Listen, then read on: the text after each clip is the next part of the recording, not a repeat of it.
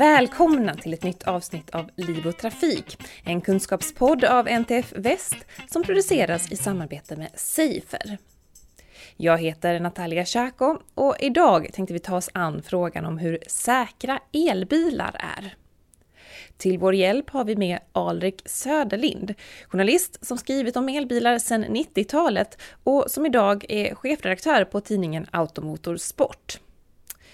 En elbil är ju ett självklart val för den miljömedvetna bilföraren och elbilar har blivit vanligare på våra vägar.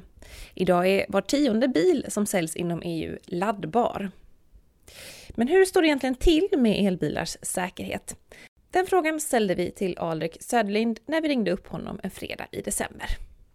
Krocksäkerheten på en elbil är ju inte på något sätt eh, skiljer sig från andra bilar. När Euro NCAP som krocktestar bilar gör det så brukar en elbil klara sig lika bra som en annan bil. Ehm, så jag ser ingen stor skillnad där. Sen pratar man kanske om brand ibland. Och där finns det ju en, eh, en risk naturligtvis om man inte laddar sin elbil med bra utrustning om man fulladdar med brödrostuttaget om man säger så, så finns det ju en risk för brand.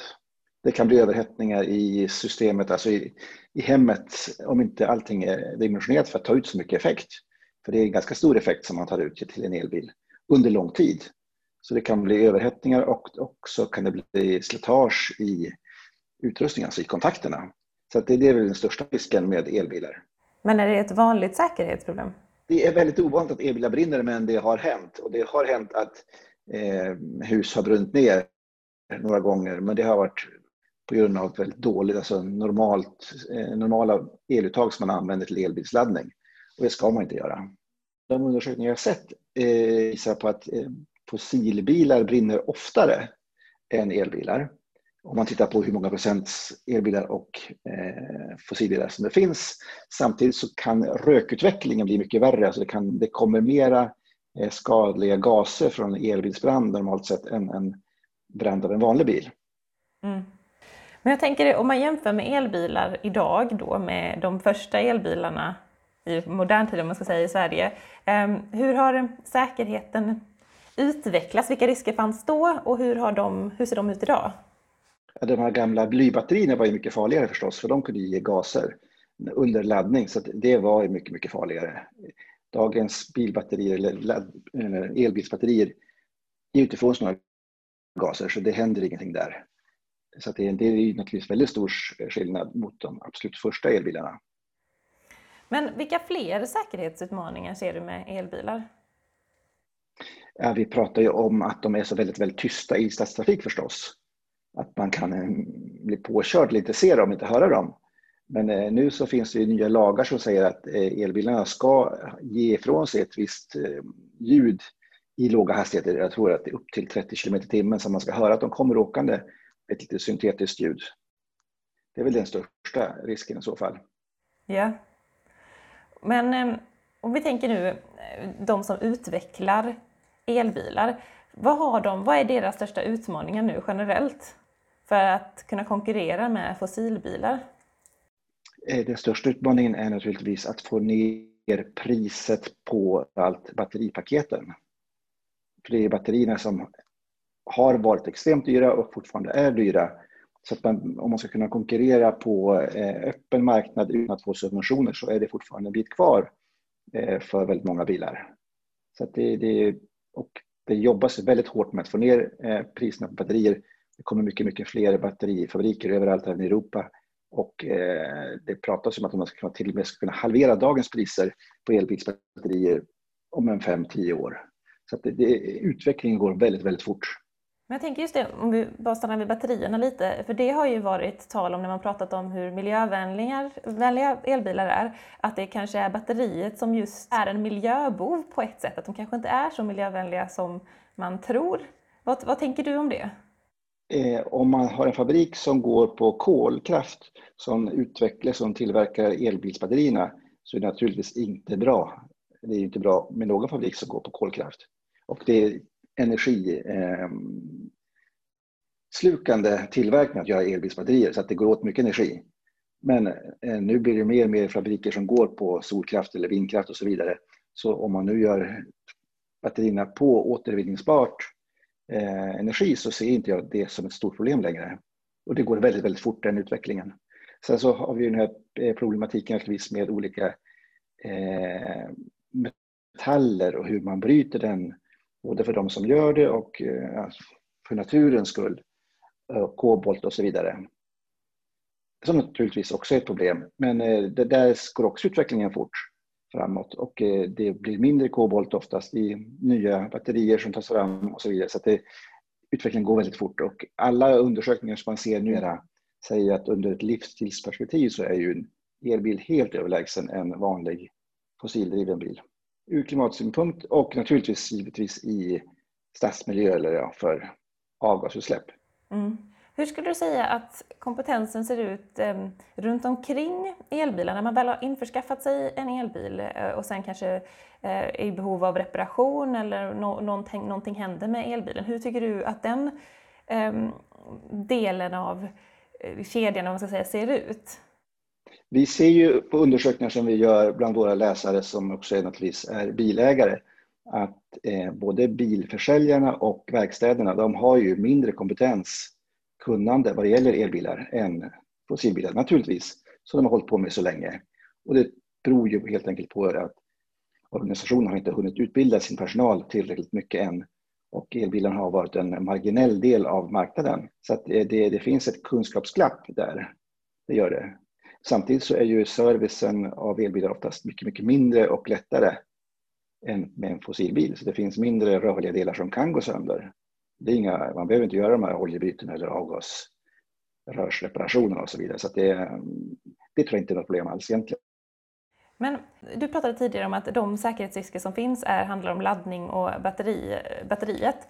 Men eh, finns det någonting som skulle kunna tyda på att det blir färre trafikolyckor när vi får fler elbilar? Jag tänker kanske att de i högre grad är eh, kan... självkörande eller liksom, finns det någonting, någonting som tyder på att det skulle kunna vara bra även för att förhindra um, olyckor um, som skett på grund av mäns en mänsklig faktor? Vi har sett några undersökningar där faktiskt eh, Teslor till exempel har varit ute för fler olyckor för folk har inte varit beredda på den, eh, den kraften och den accelerationen som en, en sån har mot en vanlig bil. Så att folk har kört av lite grann på grund av att de har gasat lite för hårt. Eh, så det har vi sett i sådana undersökningar. Men de är ju så pass mycket snabbare. Än, de är ju som eh, en, snabbare än en Porsche, många av de här Teslorna. Och är man inte van vid det så kanske man kan köra på tok helt enkelt. Sådana undersökningar har funnits, eller finns. Och sen så, Eh, jo, självkörning ja. Det finns ju naturligtvis undersökningar som visar att folk har litat för mycket på sina system innan systemen är tillräckligt välutvecklade. Så det, har funnits, det finns sådana olyckor som sker också, att folk liksom låter bilen köra men man ska inte låta en bil köra i dagsläget. Man kan låta den utan att övervaka den förstås. Så att om du, eh, de här systemen som är liksom halv självkörande måste du fortfarande övervaka din bil. Men framöver så är jag övertygad om att i många, många fall så kommer bilarna, system själv se att okej, okay, nu händer någonting här. Alltså bilens system kommer inte somna eller börja hålla på med telefonen eller så vidare. Så att jag tror att vi kommer komma till eh, säkrare trafik framöver. Och de här självkörande bilarna kommer förmodligen vara väldigt defensiva. De kommer vara inställda på att vi ska inte krocka. Så att de kommer alltså, ta ut säkerhetsmarginalerna mer än många av oss bilförare. Om man är i elbil kanske, eller en bil har inte bråkat på morgonen eller bråttom till dagis eller sådär. Alltså bilen har inte känslor som en människa kan ha, eller inte full heller.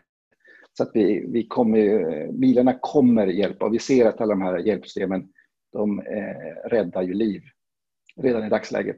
Ja. Men om jag förstår det rätt så tänker du ändå att med fler elbilar så kanske det initialt kommer innebära fler trafikolyckor innan man vänjer sig vid farten?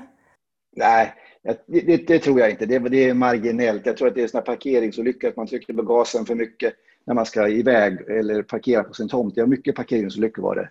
Folk trycker för hårt på gasen och sen så åker den in i staketet och sådär. Ehm, så jag tror absolut inte att vi kommer se fler olyckor på grund av elbilarna. Nej. Men om du bara ska spåna lite framåt, eller hur ser du framtiden för elbilar? När kommer de gå om fossilbilar? Det är ju ingen diskussion överhuvudtaget eh, hur det kommer bli. Det kommer bli elbilar. Och eh, frågan är bara när. Och det kommer vara olika i olika regioner i, världen. Eh, Europa är just nu den delen som där tillväxten av elbilar är störst. Kina har ju varit den största marknaden totalt sett naturligtvis för elbilar. Mycket subventioner och så vidare. Men det är ju Volvo till exempel då som gick ut här i veckan och sa att de tycker att vi ska förbjuda alla bilar som bara har förbränningsmotorer från 2025. Och det tyckte många, oj, det är kontroversiellt, vad konstigt det låter, det, så kan det inte bli heller. Men de har redan tagit beslutet för flera år sedan att 2025 ska deras bilar antingen ha helt eldrivna eller laddhybrider. Så det är inte något kontroversiellt överhuvudtaget, det är bara en konsekvens av hur det kommer bli. Eh, det finns ju många länder nu som pratar om att eh, Norge till exempel säger 2025 måste bilen ha en laddsladd eh, Hyundai i Norge har sagt att vi säljer inga bilar som inte har laddsladd längre redan nästa år. Alltså, utvecklingen går så väldigt fort nu. Eh, och det är, England sa väl 2030 ska man förbjuda bilar med bara förbränningsmotorer. Eh, I november i Sverige, så om man, tittar, om man delar upp marknaden på laddbara bilar, el, el, bensinbilar och dieselbilar så var laddbara bilar den största delen redan nu. Och laddbara bilar säger man kommer i år ungefär stå för 30 procent i Sverige. Jag tror att den står för runt 80 procent i Norge. Eh, så att det, jag tror att alltså 2025 så kommer absolut i Europa den majoriteten av alla bilar ha en laddsladd. Sen så betyder det inte det att populationen av bilar, tror att el-laddbara bilar kanske står för 3 procent av den totala populationen i Sverige just nu. Så det är fortfarande en lång tid innan det slår igenom på stort. Men om vi då ska vända oss till eventuella framtida elbilsägare, vad är det man ska tänka på om man ska skaffa sig, om man funderar på att skaffa en elbil? Vad, vad är det du, vilka råd skulle du vilja ge den personen? Det första är att eh, ordna en bra laddning hemma. Det är det viktigaste. Annars så är det ju faktiskt eh, egentligen ingenting annat du behöver fundera på. Alltså om du bor någonstans där du kan ladda din bil så är det som att ha vilken bil som helst.